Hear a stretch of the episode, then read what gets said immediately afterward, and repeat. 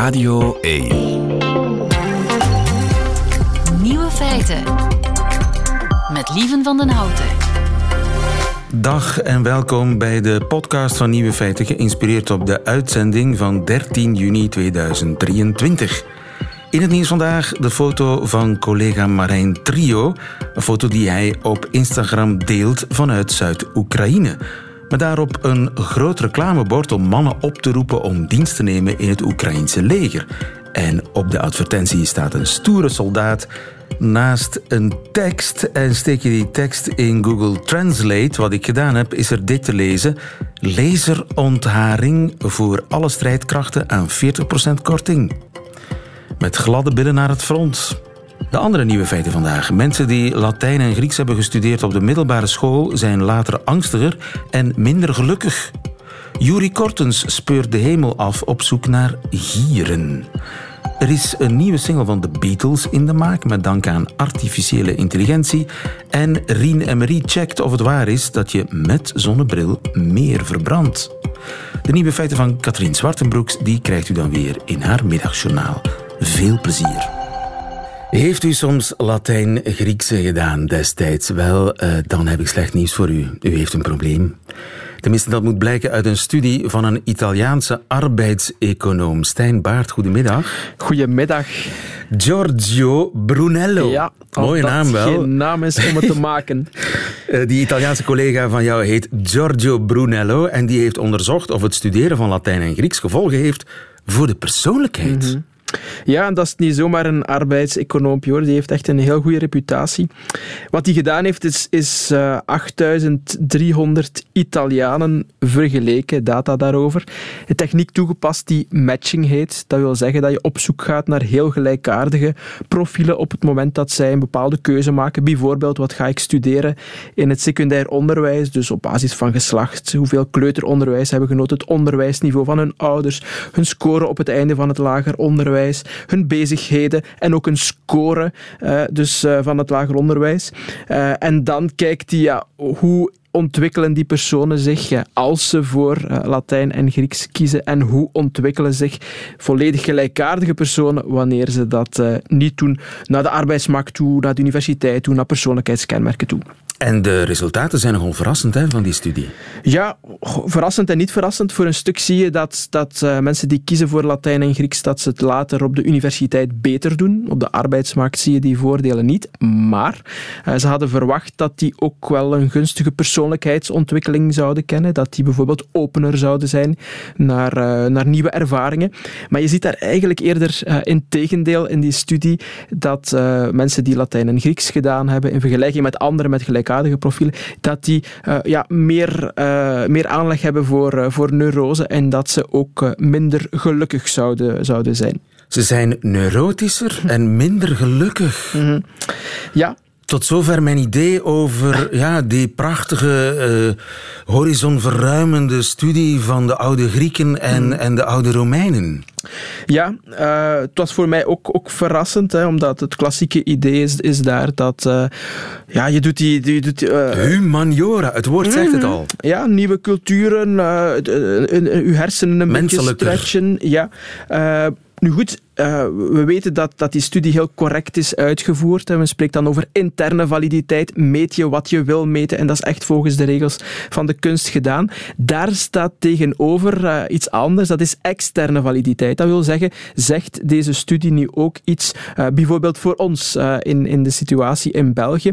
En op zich zijn er niet heel veel redenen om aan te nemen dat het bij ons heel anders zou moeten zijn, die samenhang. Maar toch zou het, denk ik, nuttig zijn alvorens dat we te grote conclusies trekken, dat we ja, dergelijke dingen ook in, in andere landen dan in Italië ja, Misschien heeft het te maken met Italië.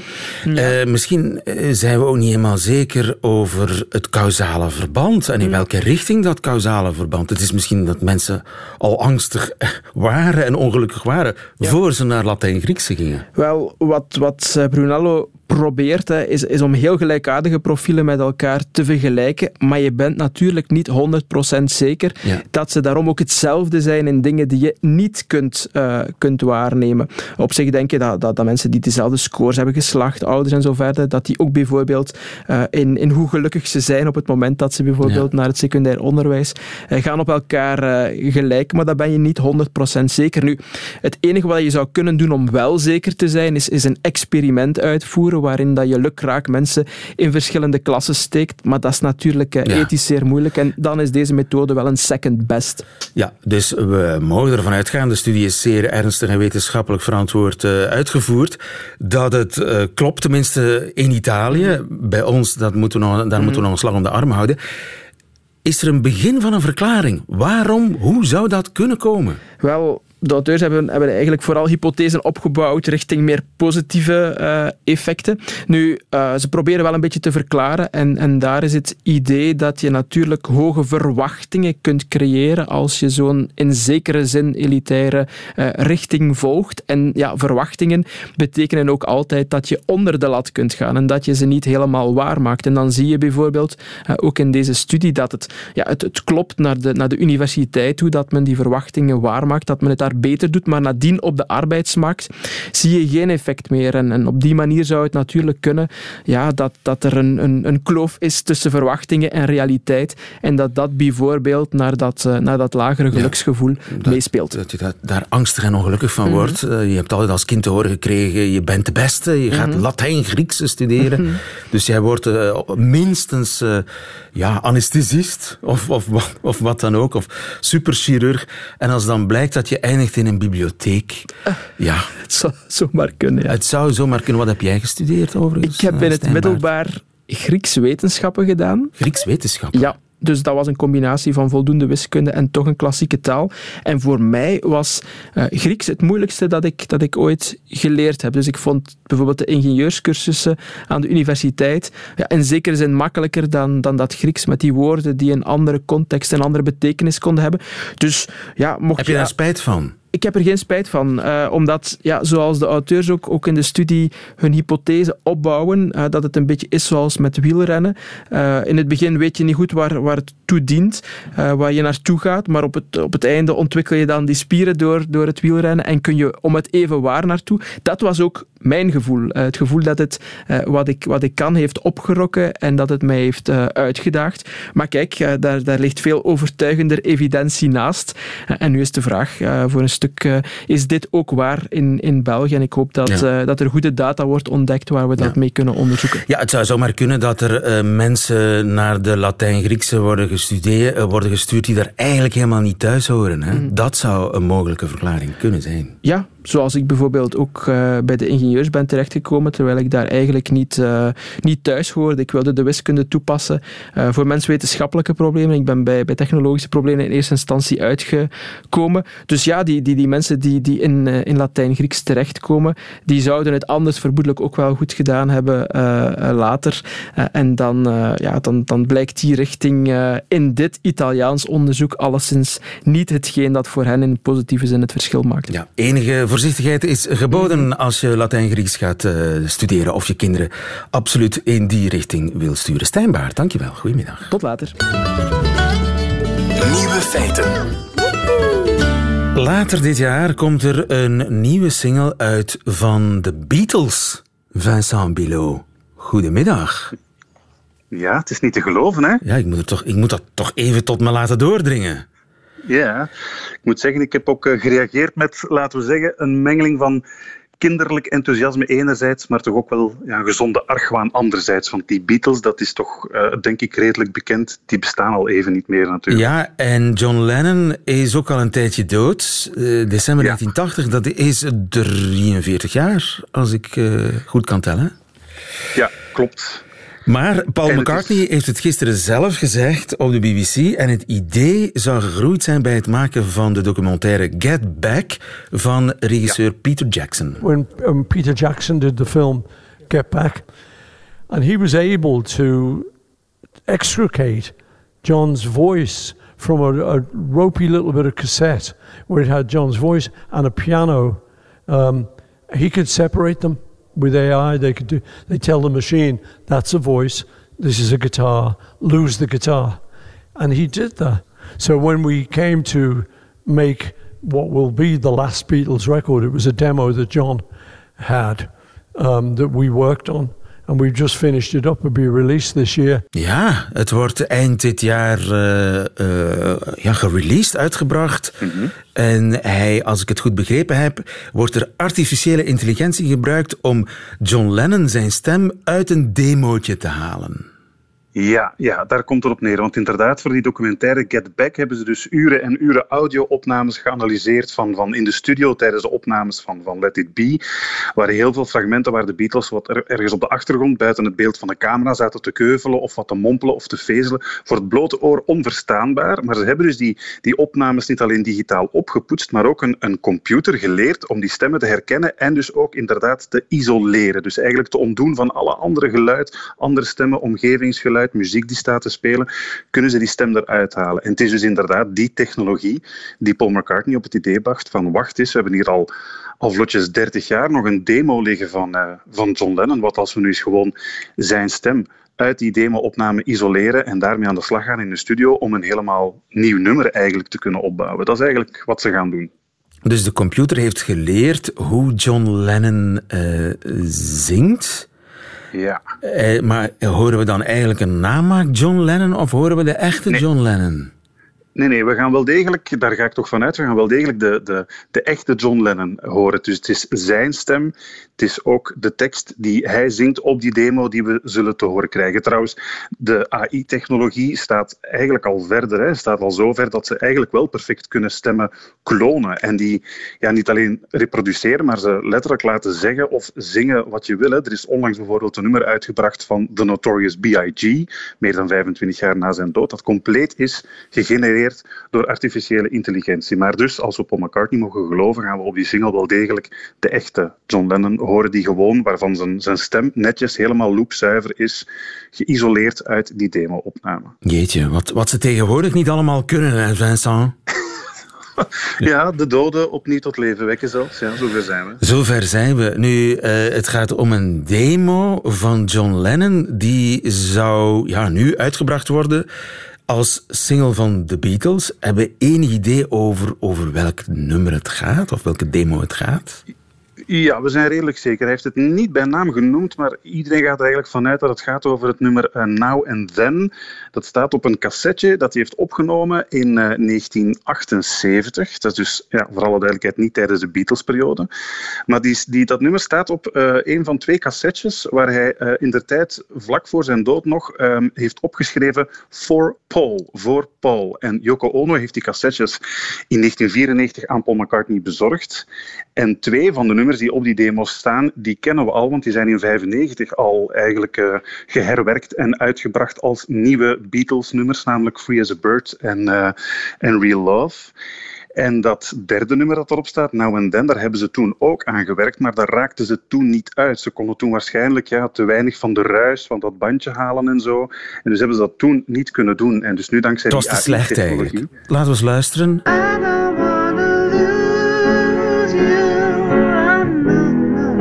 Ik begrijp het. Moeten ze dus mee aan de slag. Ja, daar moeten ze mee aan de slag. En dus die, uh, die AI-computer die zal erin slaan om die piano en die stemnetjes van elkaar te scheiden. En dus wat ze dan kunnen doen, Paul McCartney en ik neem aan ook Ringo Starr is uh, in de studio, ja, daar, daar uh, nieuwe muziek bij spelen, instrumenten in de studio dan perfect mixen met die stem van John Lennon. Dus Paul McCartney zal in duet kunnen gaan met John Lennon. Wat hij trouwens nu tijdens live-optredens ook doet. Hè. Hij doet dat nu soms ook, de stem van John Lennon via AI uh, laten meezingen in duet met hem. Dus uh, ja, dat, dat kan allemaal. Over de dood heen, uh, een nieuw nummer van de Beatles. Ben je daar nu echt, moeten we daar nu echt blij mee zijn? Of moeten we niet denken van... Het was mooi, de Beatles. Laten we ja, naar de Beatles-nummers. Ja, ja, tuurlijk. Het was mooi. Het is natuurlijk ook al, altijd verleidelijk. Hè. Als je zo een uiveren van, wat is het, om en bij de 200 nummers ondertussen helemaal uit het hoofd kent, word je altijd een klein beetje enthousiast van het idee, ja, meer, nog, nog. Maar ik weet niet of dit nu het nummer gaat zijn waar we zo gelukkig van gaan worden. Als laten we het afwachten, Vincent Bilot. Laten we het met open geest afwachten. Ja. En we zijn blij voor alles wat Paul McCartney ons toedenkt. Wat, wat, wat zei je? Ja. Al blijft het natuurlijk gewoon letterlijk ook wel een beetje artificieel. Hè?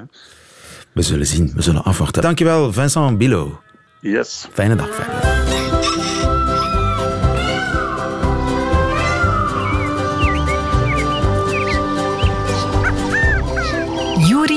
Buiten. Met Juri Kortens. Op ons bevel is hij naar buiten getrokken. Juri Buiten, Juri Kortens, goedemiddag. Goedemiddag. Juri, eh, zit je in de zon of in de schaduw? In de schaduw, dat wel, maar ik heb een, een mooi zicht op de blauwe lucht. Ik heb mij gewoon in mijn tuin gezet in een makkelijke zetel, helemaal horizontaal en ik ben aan het speuren naar gierenlieve. Je bent aan het speuren naar gieren en ik moet dat geloven. In de Kempen. Gieren in de Kempen. Gieren in de Kempen, gieren in, uh, in Vlaanderen, want de voorbije week zijn er echt ja, redelijk veel, of zelfs heel veel gieren gesignaleerd. Zelfs drie verschillende soorten. Drie Echt verschillende waar, soorten? echt. Ja, ja, ja, en er zijn er maar vier binnen Europa. Dus uh, de valengier die is het algemeenst. En vorige vrijdag bijvoorbeeld zaten er op de Kemmelberg zelfs 24 exemplaren.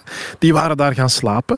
Um, en ook de, de monniksgier is gesignaleerd en de lammergier is doorgevlogen over Brussel. Dus uh, ja, het is echt gierentijd zo in juli. Gieren in Brussel? Maar die zijn daar toch niet geland? Die zijn er over, overgevlogen? Ja, die zijn daar overgevlogen. En dat is, uh, dat is deze periode, de laatste, ja, de laatste twintig jaar zien we dat eigenlijk, dat die gieren aan het toenemen zijn binnen Europa, ook valengieren. Uh, en dan met, uh, met warm weer, hittegolven, maar ook als je zo een beetje ja, zuidelijke stromingen krijgt vanuit de lucht, en nu is het zoals zuidoost, dan, dan komen die ook naar het noorden op zwerftocht. Want het zijn eigenlijk bijna allemaal jonge dieren. Ook bij die valengieren bijvoorbeeld, het zijn sociale dieren, dus die zitten in grote groepen, maar allemaal jonge dieren die ja, eens gaan kijken wat de wereld zo wat te bieden heeft. En waar komen ze vandaan dan? Zijn, Spanje uh, toch? De valige, ja, de valengieren in Spanje. Nou, er zit een grote populatie van, van wel 30.000 broedparen. Uh, en ja, rond deze periode dan, uh, dan slaan die hun vleugels uit. Die flapperen drie keer. Die Turken gaan doen. dan met... Even ja, naar Vlaanderen. Echt, dat is toch raar? Ja, dat is echt een Turken doen, want zij gaan uh, omhoog schroeven met warme lucht, met thermiek. Dus ze gaan zichzelf omhoog laten gaan en dan laten ze zich glijden naar het noorden. En eigenlijk, ja, de facto met vijf vleugelflappen kunnen zij helemaal van Spanje tot, uh, tot in Vlaanderen vliegen als de, de, de, de lucht, de, de stijgende lucht het toelaat. En, en dat was de voorbije dagen het geval. Dus ja, we kunnen ze nog meer verwachten deze dagen. Ja, dus dat zijn eigenlijk een soort van zweefvliegtuigjes, die gieren. Ja, ja eigenlijk heb, we kijken dat helemaal af. En, en mensen die aan of ze ook aan parapanten doen, uh, die zo van, van rotsen springen en zich laten glijden, die gaan eigenlijk vaak op zoek naar de, de, de opstijgende uh, warme luchtbellen waar gieren ook naartoe gaan. Dus uh, die laten zich vaak daardoor leiden om te zien van, ah, ah daar, daar kunnen een wij omhoog gaan. daarheen, daarheen, daar daarheen. Om, allen daarheen. Ja. en ja, dat is echt wel, wel super tof. En dat komt omdat die populatie aan het stijgen is aan de ene kant. En ten tweede, die jonge dieren, die gaan gewoon kijken wat de wereld te bieden heeft. Kijken of ze ja, nieuwe gebieden kunnen koloniseren. En dat komt dan ook goed uit voor hun ja, pas geboren of pas uh, uitgekomen jongere broertjes en zusjes. Want uh, er is een nieuwe lading jonge gieren en die hebben eten nodig. Dus ja, als zij dat dan ook nog moeten delen met die adolescenten die heel veel eten, ja, dan zijn er te weinig kadavers Ah, ja. in de buurt. En dus het komt voor de soort ook heel goed uit dat er ja, van die zwerftochten ondernomen worden naar, uh, naar andere contraien. En hebben ze hun oog al laten vallen op een gebied in Vlaanderen waar ze eventueel een kolonie kunnen stichten? Uh, dat voorlopig nog niet, want het blijft, het blijft altijd wat passage. Uh, ze vinden het hier niet over. leuk. Ja, ze vinden het niet leuk. Ze kunnen hier wel eventjes komen slapen en, en even rusten. Maar het probleem is, we hebben niet zoveel dode dieren liggen in onze natuur. Uh, en, en als ze er liggen, is dat bijvoorbeeld in een donker bos hier of daar. En daar zijn gieren dan weer ni niks mee. Ze hebben grote open vlaktes nodig. Uh, en in Nederland heb je dat wel. Dus bijvoorbeeld de Oostvaardersplassen, uh, Flevoland, daar heb je eigenlijk grote, grote vlaktes met ook heel veel natuurlijke grazers, edelerten, maar ook koeien en paarden. Daar sterven er af af en toe van. Dus dat zijn zo van die plekken waar ze zich wel een tijdje zouden kunnen amuseren. Uh, maar ja, dan heb je ook nog de, de, juiste broedplaatsen nodig. En bijvoorbeeld vale die nestelen in, in, op rotswanden. En ja, dan heb je niet meteen uh, veel keuze in Vlaanderen en Nederland. Maar gaat het goed met de gieren in Europa? Want ik uh, hoorde nog niet zo lang geleden dat in Azië is er een soort genocide gebeurd hè, op gieren. Ja, ja, ja. Dus dat is, dat is met vergiftiging gebeurd in Azië. En, en het probleem is, is het, het ja, alom bekende diclofenac. Eh, een ontstekingsremmer die ook bij mensen wordt gebruikt. Maar, maar als gieren daarvan eten, van een kadaver dat met diclofenac behandeld is geweest, bij koeien bijvoorbeeld gebruikt men dat ook, dan krijgen zij echt een acuut nierfalen, vallen ze daar dood bij neer. En op tien jaar tijd zijn, zijn de, familie van de vale gieren, die dat hier ook passeren, zijn 95% van die populatie in, uh, in India verdwenen. Waardoor men heeft gezegd van oké, we, we, we gaan dat helemaal verbieden. Uh, maar in Europa is het nog toegelaten op hele kleine schaal en ook zeer gereguleerd. Dus voorlopig valt het nog mee met die vergiftiging uh, door die diclofenac. Maar er worden nog altijd, en vooral in Oost-Europa, uh, gieren vergiftigd met opzet. Uh, met kadavers die dan men vergiftigt. Bijvoorbeeld ook om wolven te doden die daarvan komen eten. Of vossen. Eh, en ook gieren zijn daar dan de dupe van. Dus Want de mensen houden niet van gieren? Uh, ja, de gieren, dat, op zich valt dat nog mee, maar het zijn vaak die, die andere grotere roofdieren, wolven en jakhalzen in Oost-Europa, uh, die men daar niet al te graag ziet altijd, uh, omdat ze wel eens een schaap vangen bijvoorbeeld. En ja, men probeert dat daar, ja, illegaal uiteraard, te reguleren ja. door, door vergiftigde kadavers neer te leggen. En de gieren sterven daar dan ook van. Heb je al een gier gezien, eigenlijk? Nee, nog niet. Er kwam net wel een grote roofvogel over, maar het was een buizer. Dus dat is eigenlijk nog maar een kleintje. Heb, maar je hebt, heb je een kennersoog nodig om, om die te herkennen? Um, ja, goh, misschien wel. Dat je, als, ze, als ze heel hoog vliegen, heb je zo toch nog wel eventjes dat kenners, kennersoog nodig. Maar ze zijn echt gigantisch. Hè? Dus een vale gier, uh, 2,5 meter spanwijdte. 2,5 meter spanwijdte? Ja. ja, dus dat is, dat is groter dan een deur die voorbij vliegt. En de monnikschier die haalt zelfs meer dan drie meter spanwijdte. Dus dat is, dat is meteen dan ook de grootste ja, roofvogel die je kan tegenkomen in, uh, in heel de oude wereld, van, uh, van, van Europa tot Azië en Afrika. Maar als ik uh, in Gent omhoog kijk, kan ik een gier zien? Ja, in Gent is er deze week zelfs eentje gespot. Dus de vale hier is misschien uh, over jouw huis gevlogen. Dus dat, dat, dat zou perfect kunnen. En, en geland in, in de Blaarmeersen of zo. Dat zou kunnen, hè? Wie weet. Of in de Ossenmeersen. Dat, dat kan, hè? Ja, dat kan allemaal. Dat kan allemaal. Uh, maar vooral tegen de avond aan, dan komen die neer. Dan, uh, dan wordt de lucht ook een beetje koeler. Dus dan, dan zakken zij. Gaan ze ergens een plekje zoeken om te slapen. De Kemmelberg was zo een plekje. In Eeklo is er, uh, is, heeft er eentje gelogeerd voor de nacht. dus ja, dat, dat kan allemaal. Moeten we daar nu blij mee zijn met die gieren? Want ik vind je een beetje angstaanjagende beesten. Ja, maar eigenlijk wel, want gieren zijn, zijn bijzonder nuttige dieren in, uh, in die natuur. Uh, men heeft dus bijvoorbeeld gezien dat als er uh, kadavers ergens liggen, dan kunnen daar allerlei bacteriën en ook virussen zich, zich verspreiden, die ook voor mensen gevaarlijk zijn. ik denk aan anthrax bijvoorbeeld. Hè. Dat, dat zijn van, van die mogelijkheden. En wat blijkt nu? Dat gieren er dat allemaal gaan opruimen en ervoor zorgen dat die veel minder in de om, omgeving aanwezig zijn. En men heeft bijvoorbeeld in India dus gezien dat wanneer dat die gierenpopulatie in elkaar stuikte, dat ja, eigenlijk veel meer vossen daar, daar rond die kadavers gingen en dat die allemaal besmet werden, onder andere met hondsdolheid, en dat dan dat ook verder doorging naar de mensen. Dus eigenlijk zijn het een beetje ja, de opruimers uh, van de natuur. En uh, ja, als er ergens een dier hygiënisch is, dan, dan is het de gier wel. Ja, goed. Je hebt nog een hele lastige dag voor de boeg, uh, Jurie Kortens. Ja, Jij moet één ja, ja, zetel naar boven, lege turen. Nou, maar wacht eens even. Heb jij je waterbakjes al gevuld voor de vogels in deze droge tijden? Wel, ik heb dat gedaan en ik ga ah. dat meteen nog wat verder doen, want uh, met die hele droge momenten... Meerdere luisteraars wijzen ons erop dat we andere luisteraars moeten ertoe aanzetten om bakjes met water klaar te zetten voor de vogels. Is dat zinvol? Ja, Dat is zeker zinvol. Hè. Die, die, uh, die hebben niet alleen water nodig om te drinken, maar, maar ook om te badderen. Ze, ze, ze, wassen zich heel vaak ook wel. En dat is nodig om hun veren in optimale conditie te houden en dan uh, ja, kunnen weg te vliegen voor aanstormende katten bijvoorbeeld. Dus ja, het is, wel, het is wel belangrijk. En wat wel heel belangrijk is, is dat je dat ook regelmatig ververst. Dus dat ga ik meteen ook, uh, ook doen. Ik ga ja. ook mijn eigen drankje verversen, want het is bijna leeg. en dan, uh, Wat een leven heeft hij toch. Ja, ja. Kortens, dankjewel. En ah, tot volgende week. Tot volgende week. Nieuwe feiten. Radio 1. Wie een zonnebril draagt, die verbrandt sneller in de zon. Die boodschap werd de voorbije dagen tienduizenden keer gedeeld op onze sociale media, ook bij ons. Maar klopt dat?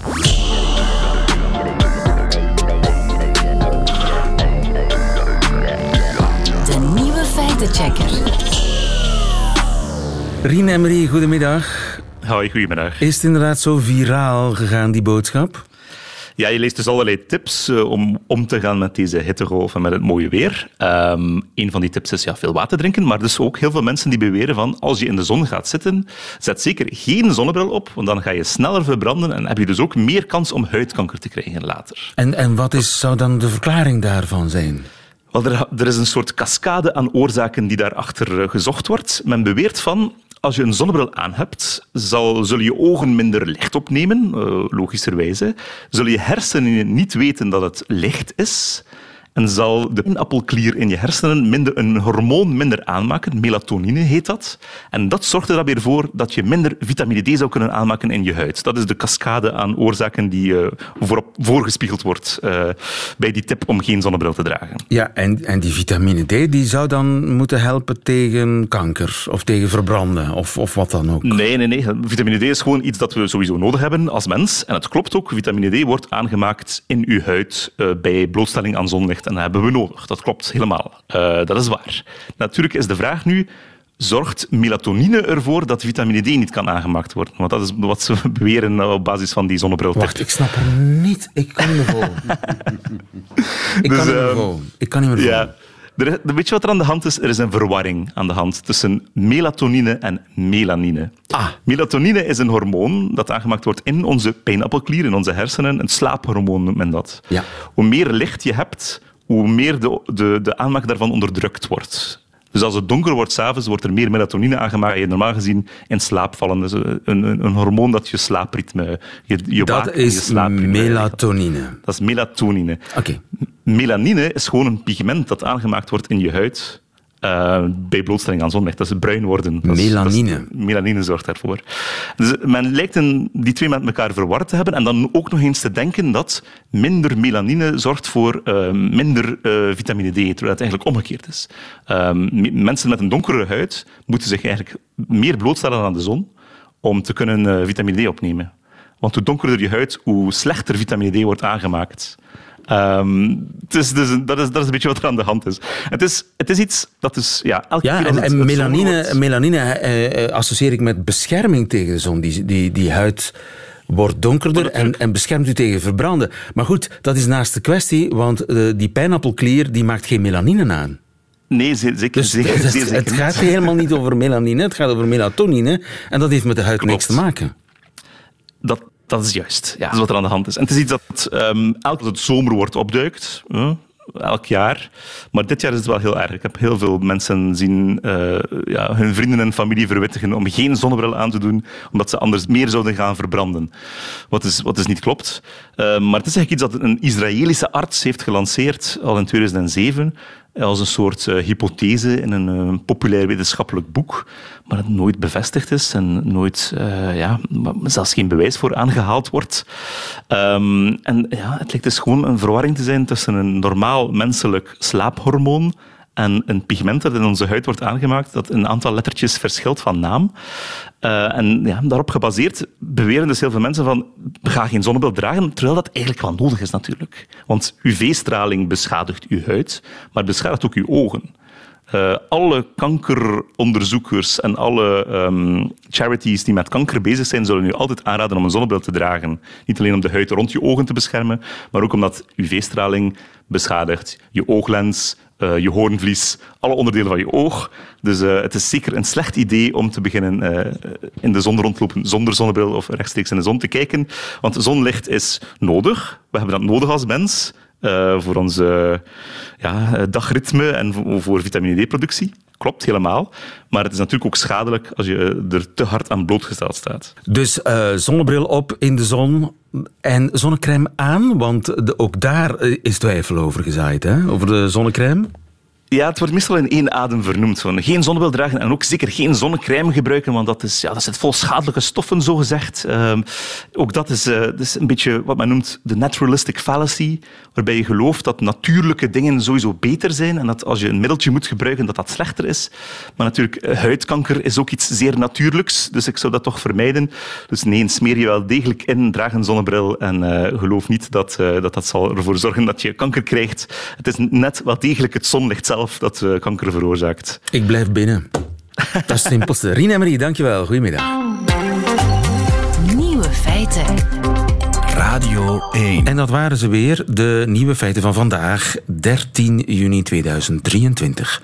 Alleen nog die van Katrien Zwartenbroeks, de journaliste, die krijgt u nu in haar middagjournaal. Nieuwe feiten. Middagjournaal.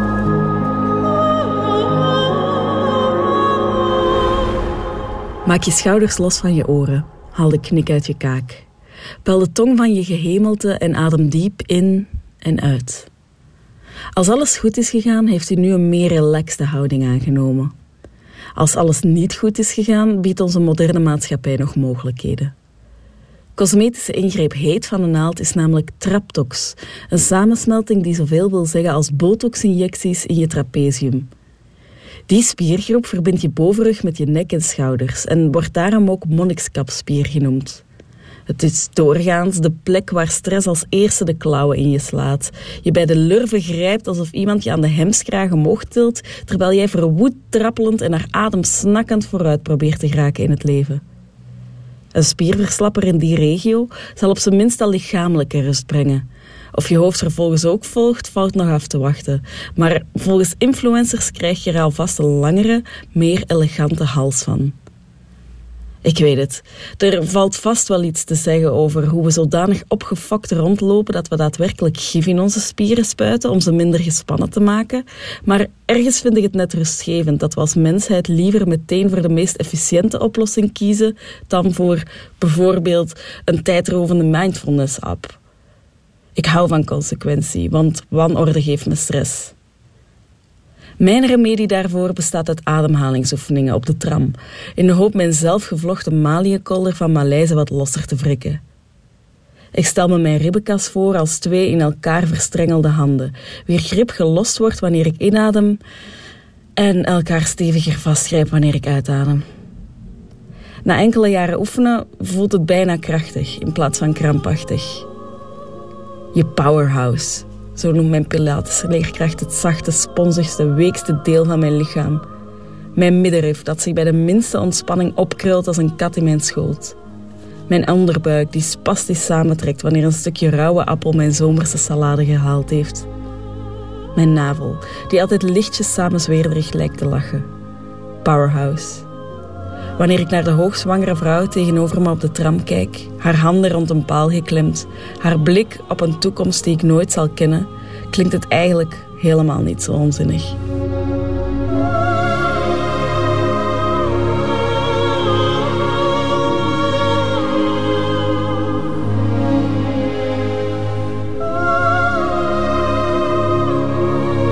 Het middagjournaal met en van Katrien Zwartenbroeks van op de tram.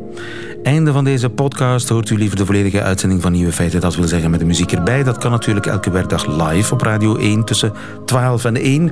Of on demand via de Radio 1 website of app. Tot een volgende keer.